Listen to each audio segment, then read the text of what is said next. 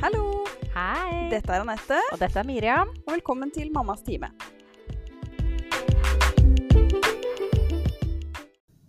Hallo, hallo! Hei, Anette. Hei! Å, herregud, nå er vi endelig tilbake, og velkommen til Mammas time. Til meg selv og deg, og alle som hører på. Ja, vi er så glad for å være tilbake. Ja. Det er jo tidenes forsinkelse, kan vi jo si. Det er jo Det er ikke bare vår feil. Nei. Nei. Vi skylder på alle andre. Vi skylder på teknisk utstyr, vi skylder på barnehage, vi Skylder på barna våre. ja, nei, det har jo vært um, veldig mye som har skjedd uh, nå på høsten. Vi skulle jo starte opp i august, for de som ikke har, fikk med seg det. Men så var det sånn da at jeg eh, hadde en liten gutt som begynte i barnehagen i august. Og um, der var det Der ble det veldig mye sykdom. Ja, så det hører jeg mye om fra alle som har nye barnehagebarn. Yes, og så det var, ja, jeg tuller ikke når jeg sier at det var kanskje annenhver uke. Eh, og da, når han da blir sjuk, og vi da også ikke er vant til disse barnehagebakteriene, så blir vi også sjuke. Så både han lille og vi to hjemme har vært eh, mye sjuke. Og da passer ikke det så veldig bra i forhold til deg og din familie. Nei, vi eh, prøver jo å holde oss litt unna sykdom, i Mm. tilfelle det skulle være den store, stygge koronaulven. Yes. Så det er jo en uh, uh, grei unnskyldning, syns jeg. Ja, jeg syns også det er helt innafor. Ja. Men du har jo en annen unnskyldning også. Ja, jeg har kjøpt meg nytt hus. Og gratulerer, Anette. Tusen takk, tusen takk.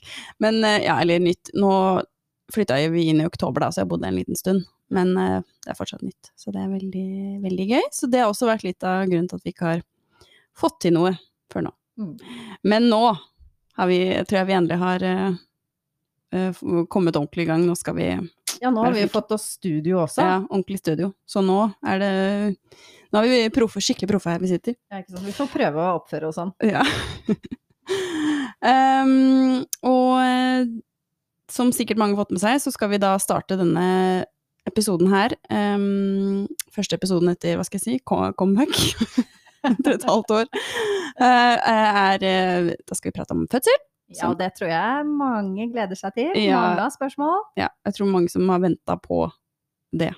Fødsel. Det er jo på en måte det, kanskje det mest spennende eh, på mange måter. Og mest uh, uforutsigbare. Og det som folk eh, både gruer seg mye til, det er veldig mange som Det kan vi jo si at eh, som kommer inn som har fødselsangst. Det stemmer. Mm. Så vi prøver med denne episoden å eh, kanskje forberede de gravide på hva man kan møte på sykehuset. Ja. Prøve å kanskje kurere litt fødselsangst. Eh, forhåpentligvis. Eller i hvert fall trygge litt mer før man eventuelt skal føde. Så vi starter egentlig med helt eh, klink normal eh, fødsel. Eh, grønne damer, som vi kaller det. Ingen komplikasjoner, ingenting eh, hva skal jeg si, operativt. Helt sånn normal eh, fødsel begynner vi med. Og da begynner vi egentlig med mm, tegn på fødselsstart, hvordan fødsel er i gang, og hva man skal se etter. Og ja, eh, Miriam, take it away. Takk, takk. Det er jo eh, ikke så mange tegn, sånn umiddelbare tegn på fødsel. Eh, De vanligste er at vannet går, enten Mm. med eller uten rier. Eller så starter riene. Eh, Og de kan jo både være Eller være eh, maserier. Mm. eh, Og vare i bare noen timer eller også dager uten at det skjer noen ting. Eller de kan være ordentlig effektive. Og ved effektive rier så etter hvert så vil man nok få en sånn tegningsblødning som vi er litt opptatt av, da, vi jordmødre. Sånn, litt sånn slim på, blodig slim på papiret eller i trusa. Mm. Eh, som er et tegn på at livmorhalsen driver og modnes, og, og blir, åpningen blir større. Mm. Mm.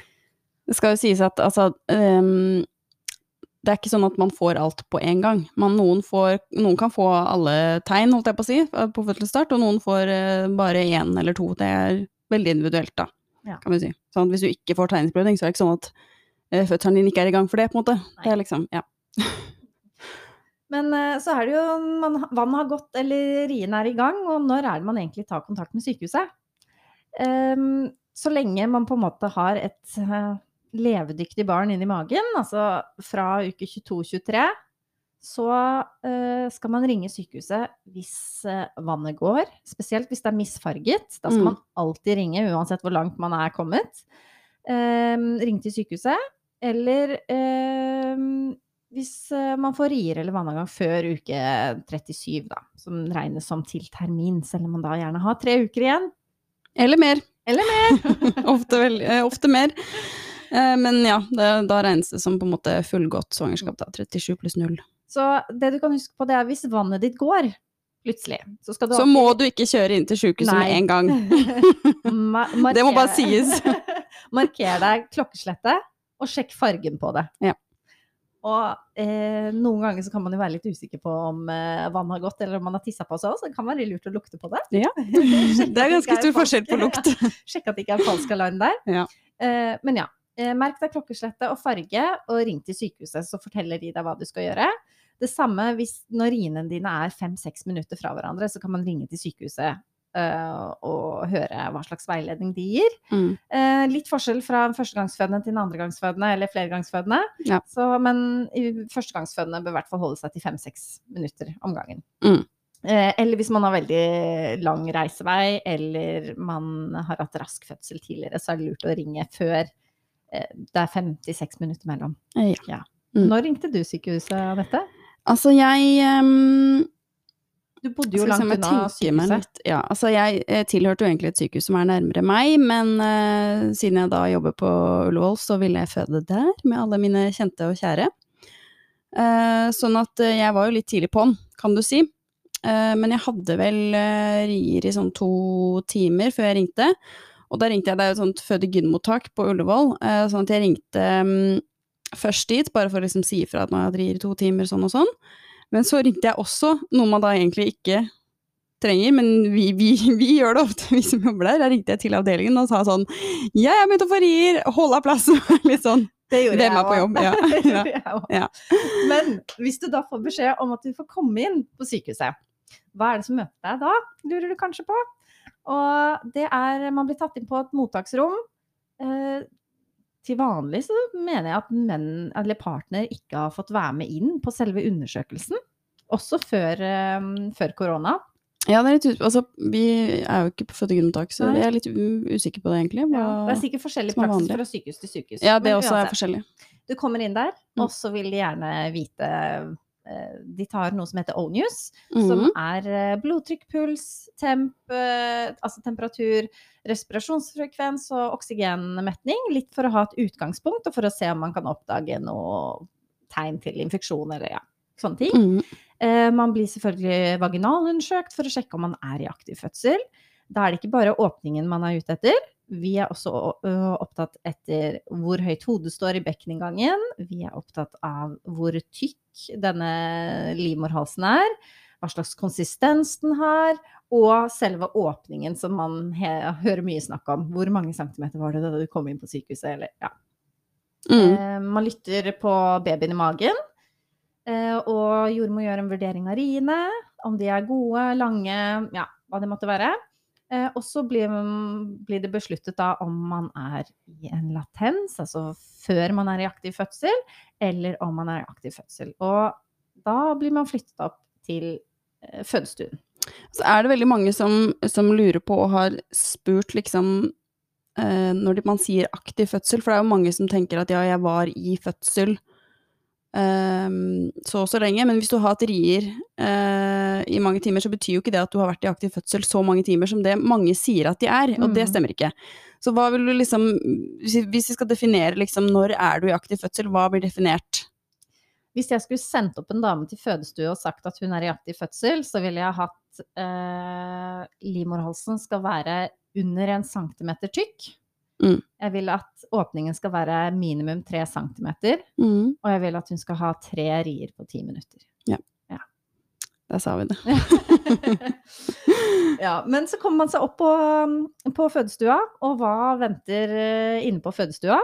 Der venter en fødeseng som er ganske hard. Den får vi veldig mye klage på, Yes. men det er for at vi skal kunne gjøre jobben vår ordentlig. Det er av en grunn, altså. Ja. Mm. Det er et CTG-apparat, så vi kan følge med på babyen i magen. Det er et bad som har dusj og toalett, så man kan få tatt seg en eh, varm dusj som smertelindring f.eks. Vi har tilgang på um, gulvmatte, så man kan gjøre litt yoga, eller jeg vet ikke hva man har lyst til å gjøre. Men det er prekestol, og det er en fitnessball. Ja. Eh, vi har en partnerstol som kan lenes tilbake, sånn at eh, partneren din også kan få slappet av eh, i løpet av fødselen, hvis man har tid til sånt. Mm. Eh, og så er det en hyggelig jordmor, forhåpentligvis, som står og venter på deg. Sånn som Miriam? Håper det. ja. Eh, og så er det paret da, som har full kontroll på lyset. Skal det være på? Skal det være av? Skal det være vinduer åpne? Skal det være lukket? Musikk. Musikk. Det er dere som har kontroll på det, helt frem til babyen kommer. Da lukker vi vinduene. Da er null lufting. Da er lyset på. Da, ikke alltid, men eh, ja.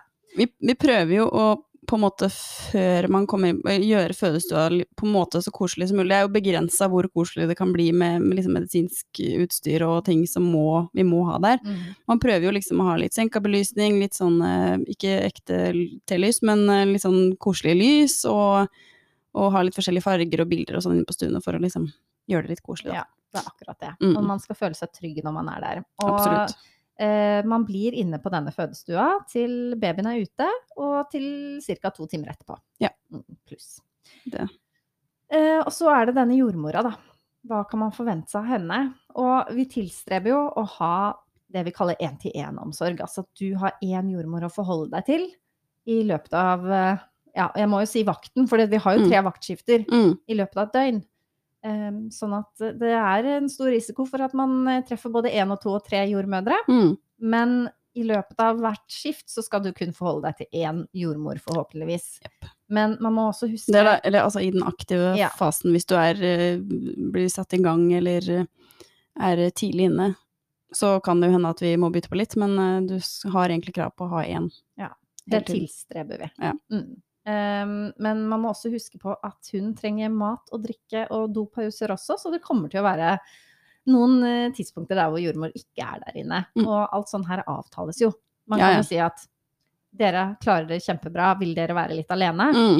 Eh, og det er mange som har lyst på litt sånn egentid, og det trenger ikke at en jordmor sitter der og stirrer og Nei, det er jo ikke sånn at jordmor må være der. Hvis du har lyst til å være alene med partner en stund, så er det du som bestemmer at eh, du, vi har lyst til å være alene, vi kan heller ringe på.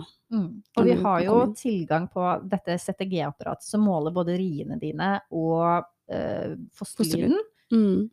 Den har vi tilgang på på utsiden, sånn at vi kan følge med på hva som skjer på den, Mm. selv om vi ikke er inne på rommet. Ja. Så vi, hvis vi ikke følger med innenfra, så følger vi med utenifra. Ja.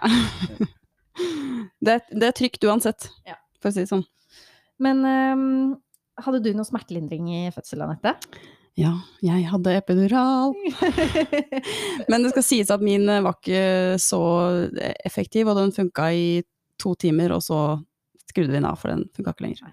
Så den var ikke kjempe Jeg brukte den i ja, omtrent to timer, da, og så Sånn at um, Men det hjalp litt. Jeg fikk i hvert fall gi meg litt mat før Ja. jeg skulle føde.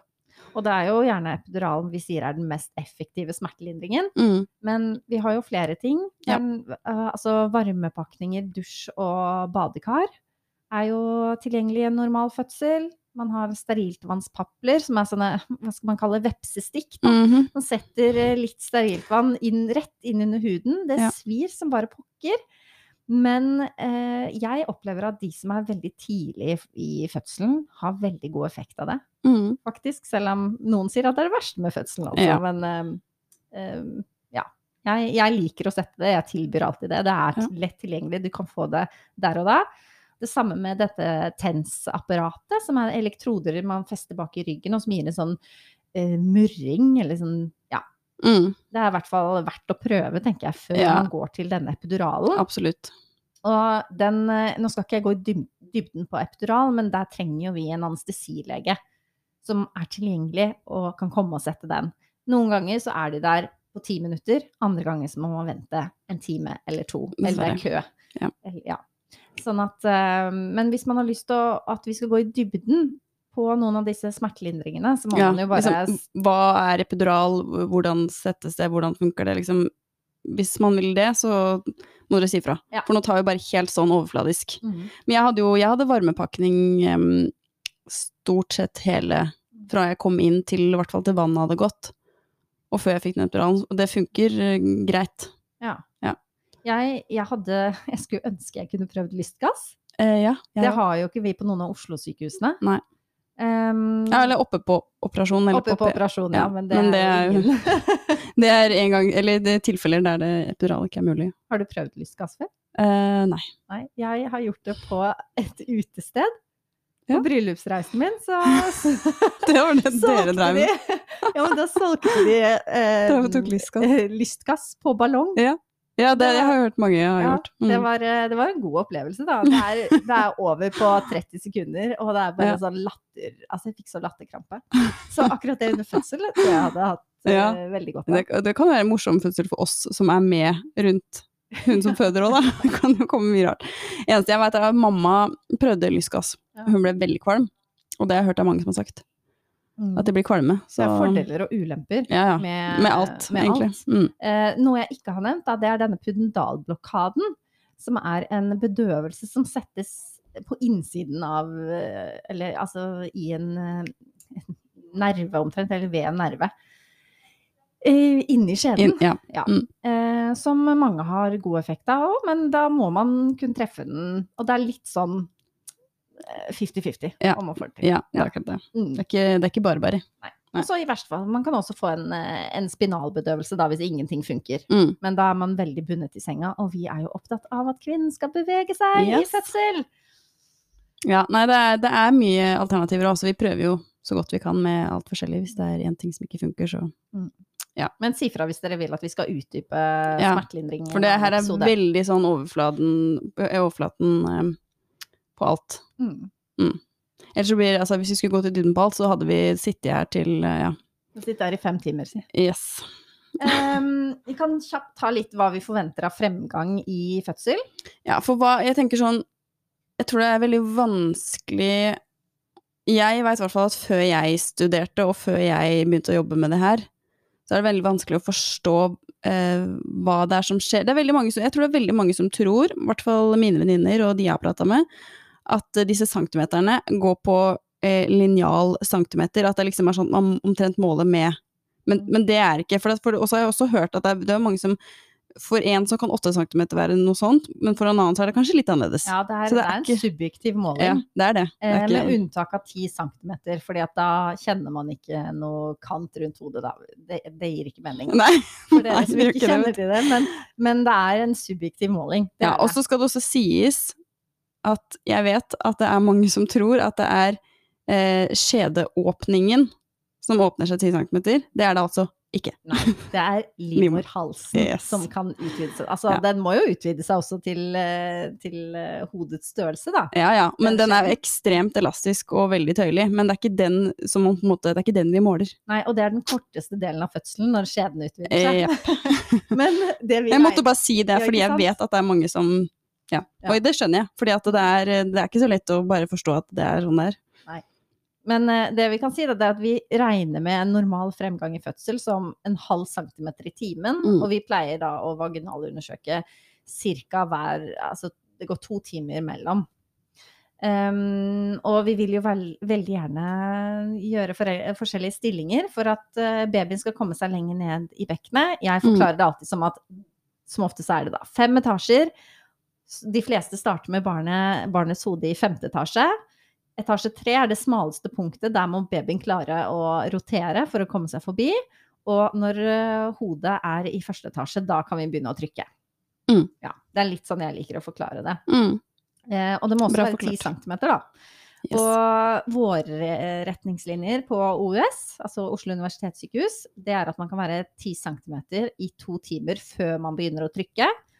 Eh, Og at vi har lov å trykke i én time aktivt. Og her er det også noen som gjerne går igjen med at ja, men jeg trykka i tre timer, jeg trykka sånn og sånn og sånn. Men vi regner jo altså Noen ganger så spontantrykker man jo. Mm. Man klarer ikke å holde igjen. Det er bare mm! Altså den lyden der har vi hørt mye. uh, ja, for det, kroppen gjør jo det av seg selv. At du føler at du må trykke. Men det kan man få på 6 centimeter òg. Ja, ja. Det er ikke noe Altså, den aktive trykkingen, det er når jordmor sier OK, du er 10 cm, hodet er der det skal være, nå kan du begynne å trykke. Ja. Og da har man lov å trykke i en time Mm. før vi må tenke at denne babyen skal ut. Fordi det sliter jo på babyen. Det gjør det. Mm. Og ja, jeg snakka jo litt om uh, denne spontantrykkingen. Noen får den automatisk når ungen er langt nok nede, mens andre må vi instruere. Og jeg føler jo ofte at vi instruerer flest kvinner til å trykke. Fordi mange har epidural, og da kjenner man det ikke like godt. Um, fødestilling er jo Vi er ikke noe glad i at man kan stå eller uh, sitte på huk, for da klarer ikke vi å støtte ordentlig. Det er mye ryggleie med beinholdere. Sideleie og uh, på alle fire. Altså, jeg må bare liksom, si at um, Jeg vet at på andre sykehus så er det veldig sånn og ja, der ligger de bare på rygg, eller det er, er sånn eller sånn, eller man skal kunne stå akkurat som du vil og føde. Og det er på en måte det, det, skjønner jeg, og det er veldig mange som vil føde sånn og sånn, og har bestemt seg for at jeg skal stå på alle fire og føde eller sånn, og det, det, skjønner jeg, og det skal man få lov til å bestemme selv. Men jeg kan også si at Ullevål er jo noen av de beste på, for, å forhindre rifter. Store vaginale rifter. Uh, og det er ofte fordi de da ligger på rygg eller uh, ligger i en stilling som gjør at man har full kontroll. Så man kan støtte og hjelpe og bidra til at det til at man ikke får rifter. Eller store rifter, da. Mm. Mm. Og akkurat, ja. Vi, har, vi, skal ha full kontroll. Eh, ryggleie er kanskje en av de stillingene der hvor vi har eh, Der vi øver mest på mm. dukker, dukketrening og sånn. Ja. Så vi er veldig gode på, på den stillingen. Ja. Um, og så er det veldig mange som er sånn Nei, men det strider mot naturen og sånn. Men så har vi de damene som kommer inn og bare Ja, men jeg skal føde på knær, jeg skal ligge på siden. Og så bare nekter at de klarer ikke å rikke seg fra den ryggleiestillingen. Det er det eneste de har lyst til å ligge i. Mm. Um, sånn at man må ta alt som det kommer, tenker jeg, i fødsel. Ja, det, ja, det er akkurat det. For jeg um, Noen vil jo sikkert kanskje bare ligge, og tenker at og det er det beste, og det gjør vondere å reise seg opp eller vondere å stå og sånne ting. Men jeg uh, ville bare sitte eller stå oppreist. Jeg syntes det var skikkelig vondt å ligge. Men, uh, men jeg, uh, jeg lå, da når jeg eh, fødte, eller idet han kom ut, så lå jeg. Og det var mm, også fordi jeg veit at da har man best oversikt der nede. Hvordan fødte du? Jeg fødte også på ryggen. Men jeg, hjemme uten epidural så klarte jeg bare å stå. Ja. Eh, lå i senga. Det gikk jo ganske fort med meg, det skal dere få høre om senere. Ja, det var det jeg tenkte. Altså. Vi skal ha egen, uh, egen episode om det her. Ja, men uh, nei, jeg lå også på ryggen med beinholdere. Mm. Mm. Eh, men eh, det er jo nå vi nærmer oss eh, barnepleierens jobb. Anette, mm -hmm. har du lyst til å fortelle litt hva som skjer når det, det, det, nærmer, det, mest spennende er jo når babyen kommer. Ja. Det er jo mye sånn Du får kremen. Kjære, jeg får kremen, det må jeg virkelig si. Men du kan jo på, ta litt mer om liksom sånn um, trykking og altså hvor Hva skjer liksom fra man har begynt å trykke og ja, men som ofte så sier vi jo at man skal klare å få til å trykke tre ganger på én ri. Mm. Det er å samle luft inn i lungene sine og holde den inne og trykke alt man har. Eh, akkurat som man skal på do, mm. Egentlig. Og det gjør man egentlig til, eh, til eh, jordmor sier pust, pust, pust, pust, pust. For det vil ikke ha masse kraft når hodet kroner og babyen eh, kommer ut. Da mm. vil vi kontrollere farten og prøve å gjøre det så lite Altså ha så lite fart som mulig for å forebygge rifter, da. Ja. Mm. Um, nå når hodet enten står på bekkenbunn, eller man på en måte ser det veldig sånn i åpningen, da, det er jo da du, du og dere eh, ringer i snora, sånn at vi kan komme inn. Ja, det, og når og du sier vi, så er det barnepleier, barnepleier. og jordmor, eh, jordmor 2. jordmar? Jordmar? ja. Det er da vi eh, kommer inn. Ofte kanskje barnepleieren først, og så jordmor to, eller begge samtidig. Det kommer litt an på hvor fort det går ja. også. Jordmor to, det er jo eh, bare, eh, bare. Vi liker bare. å være to jordmødre. Ja. Sånn at vi har ekstra hender i tilfelle vi trenger det, og ja. litt sånn uh, for å snakke sammen hvis det er noe man Hvis det er noe man vurderer uh, sånn til og fra. Ja. Uh, men det vi ofte gjør, barnepleierne, det er da liksom før barnet har kommet, det er at vi assisterer jordmor og eventuelt lege, men det er da ikke nå under normalfødsel, som vi ikke skal prate om. Er, da er det bare jordmor der inne. Eh, vi er også ofte med å, å motivere fødekvinnen. Eh, det er jo mange som er veldig slitne, og det er jo da vi oftest hører sånn 'jeg orker ikke mer', 'jeg vil ikke mer', 'jeg klarer ikke mer'. Ikke det er da man må pushe på. Og så skriver vi også alltid ned på den CTG-maskinapparatet, eh, eller hva jeg skal kalle det, som Miriam snakka om i stad, så skriver vi også ned alt som skjer inne på stua. Det gjør jo også dere eh, før vi kommer inn også, at alt som skjer der inne. Eh, så vi skriver eh, eksempel hvis dere setter lokal bedøvelse, eh, fordi noen ganger så må man kanskje klippe for å gjøre litt større plass til hodet. Eh, og da skriver vi det på denne CTG-maskinen. Vi skriver også noen hodekroner, vil si da når hodet um, ja, er så å si halvveis ute, da. At det, en del av hodet står ute, uh, og ikke sklir inn igjen. At det blir stående der. Da kroner hodet. Um, og så skriver vi også når hodet er ute og forløst. Uh, og det her handler litt om uh, både fordi man skal kunne dokumentere det etterpå, men også hvis det skjer noe i etterkant av både fødsel og i forhold til barnets tilstand og sånn, sånn at man veit når ting skjedde. Og det med å skrive at hodet er ute, det er vi, er vi veldig nøye på f.eks. for eksempel når det har gått ett minutt. Da skal man gjerne si fra at nå har det gått et minutt. spesielt da hvis du ser at det Ok, kanskje vi ser på hodet til barnet, eller den er estimert litt stor, Mm. så er man litt forberedt på skulderdystosi, men det skal vi også prate om senere. For det er en normal fødsel vi prater om. Jeg syns du går inn på masse Ja, som ikke ja, hører til ja, der nå. ja. Eh, Men i hvert fall hodet ute, sånn at det eh, står der, så vi veit litt om det, og så kan vi forklare mer rundt det, hvorfor det er veldig viktig og sånn senere. Og så skriver vi også partus, som betyr da at barnet er født. Eh, Og så skriver vi også om det er gutt, eller om det er pike, eller jente, da. Mm.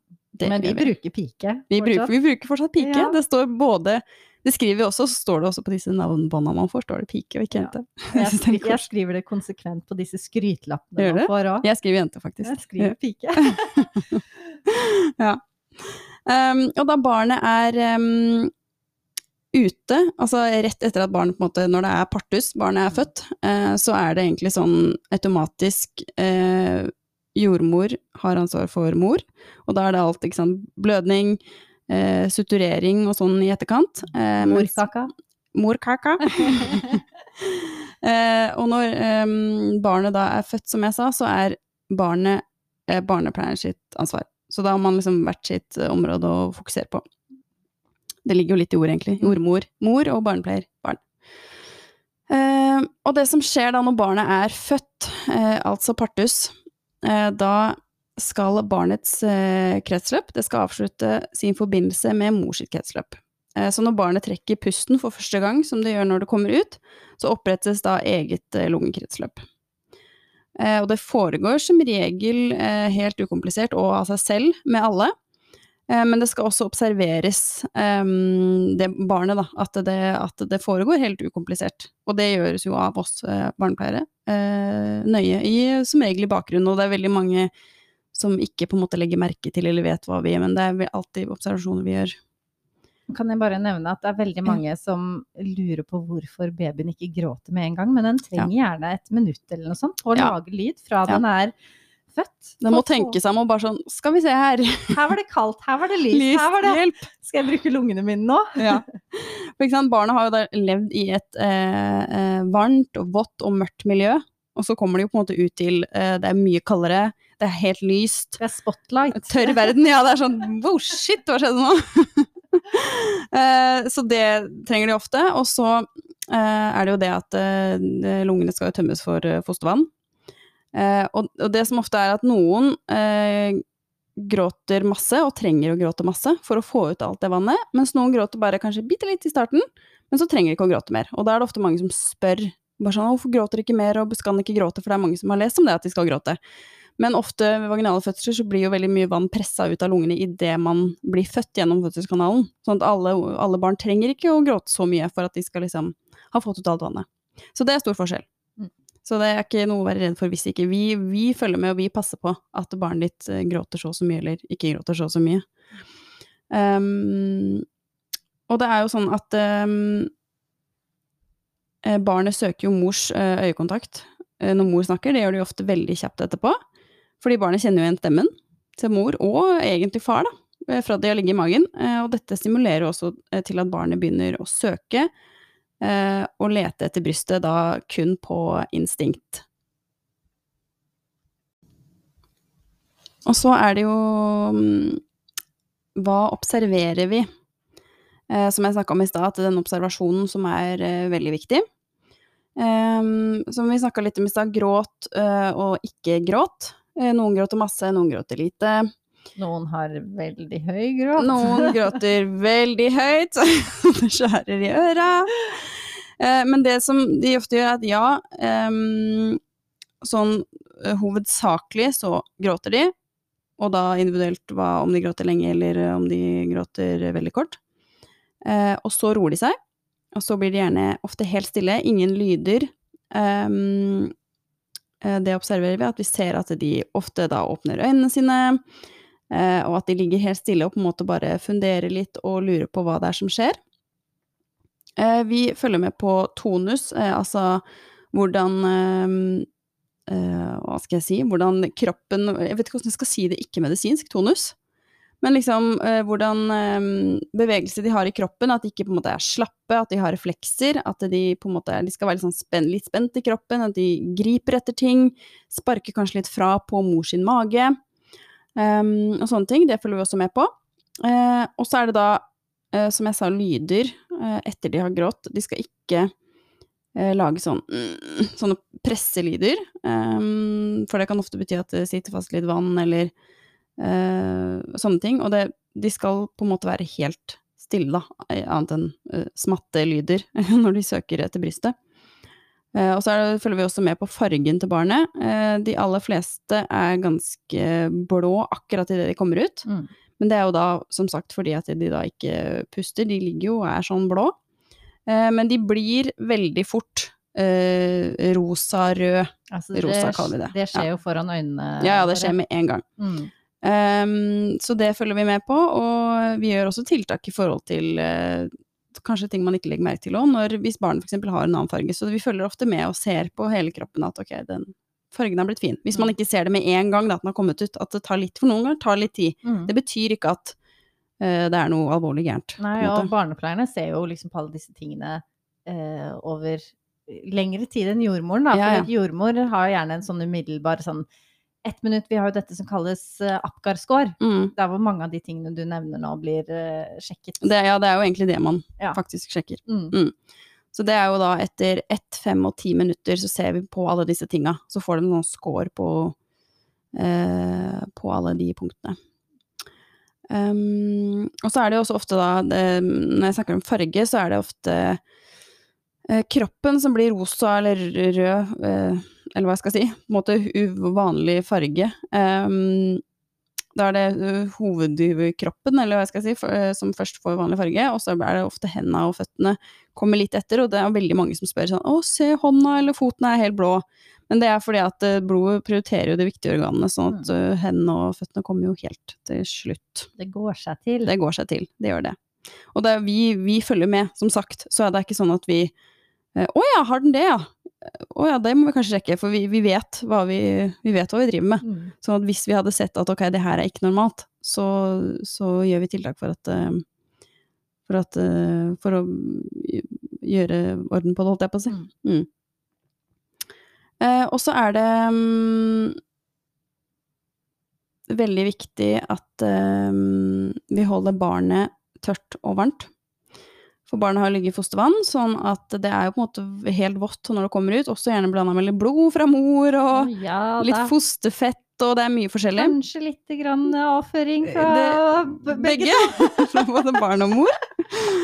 Eh, Så det som er veldig viktig, er at når de har ligget i ca. 37 grader i så mange måneder, og de kommer ut, så er det jo veldig stor forskjell, så det blir veldig kaldt. Eh, Så det er veldig viktig at de holder seg eh, tørre, at vi tørker godt av de og dekker de godt til med varmt over seg når de ligger hud mot hud. Ikke sant? Akkurat det, det du sier der, hud mot hud, Mm. det er liksom nøkkelen til et varmt og godt barn. Det er akkurat det. Det er veldig, veldig viktig. Eh, og så er det dette med instinktet som jeg sa litt om i stad. Det er det også vi følger med på når barnet ligger på brystet. Da stoppa å gråte, og da liksom begynte å åpne øya sine, og så begynner gjerne Først så kanskje de leter etter den øyekontakten, og så begynner de å leite etter brystet. Eh, ved at de eh, kanskje sleiker seg litt rundt munnen, de gaper mye, eh, beveger seg, sparker fra på mor for å komme seg oppover og, og lete etter brystet. Eh, og dette her er da egentlig kun på instinkt. Eh, Det er veldig mange som eh, tror eller spør også ofte om å, er den, er den veldig sulten? Men ofte så er de ikke De er ikke sultne. Det er ikke det der instinktet som Ja, gjør at de skal lete etter, etter mat. Det er jo egentlig ganske sykt at det er sånn. At Alle det, barn er med jo- en gang de kommer ut, så bare De er jo Mm. født med en matpakke. Ja. Det er så lite melk i brystene til kvinnene Mm. de første dagene etter fødsel. mm. De er nødt til å komme med en matpakke, de. Ja. Så det, det første døgnet er eh, ikke så Altså, det er ikke der vi stapper inn med mat. Det er eh, den, det instinktet og den uh, tilknytninga til mor som er det viktigste framfor mat, da, egentlig. Mm. Og det å la barnet komme til brystet og stimulere sånn at det blir mat når barnet virkelig Absolutt. har behov. Absolutt. Um, og det er jo det også vi, vi hjelper til med liksom, den første stunden her. De første to timene etter fødsel er um, når barnet da kanskje har begynt å søke til brystet, noen finner det helt av seg selv, så hjelper vi til med uh, ammestilling, og vi ammeveileder uh, kvinner med den første amminga, det første sugetaket. Uh, og det som også er veldig fint med amming, ikke bare det at det stimulerer til melkeproduksjon, og at man um, øker melkeproduksjon, eller råmelka da, som kommer først.